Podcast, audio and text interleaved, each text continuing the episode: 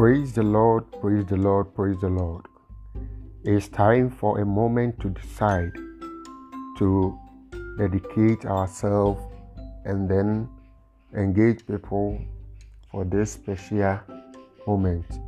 I know it is our turn to proclaim the gospel message. So anyone who hear from us will know and hear the word of God which is undiluted and it will help everyone who hear from us. This program is called Moment to Decide and I'm for sure it will change the heart. It will bring people to God.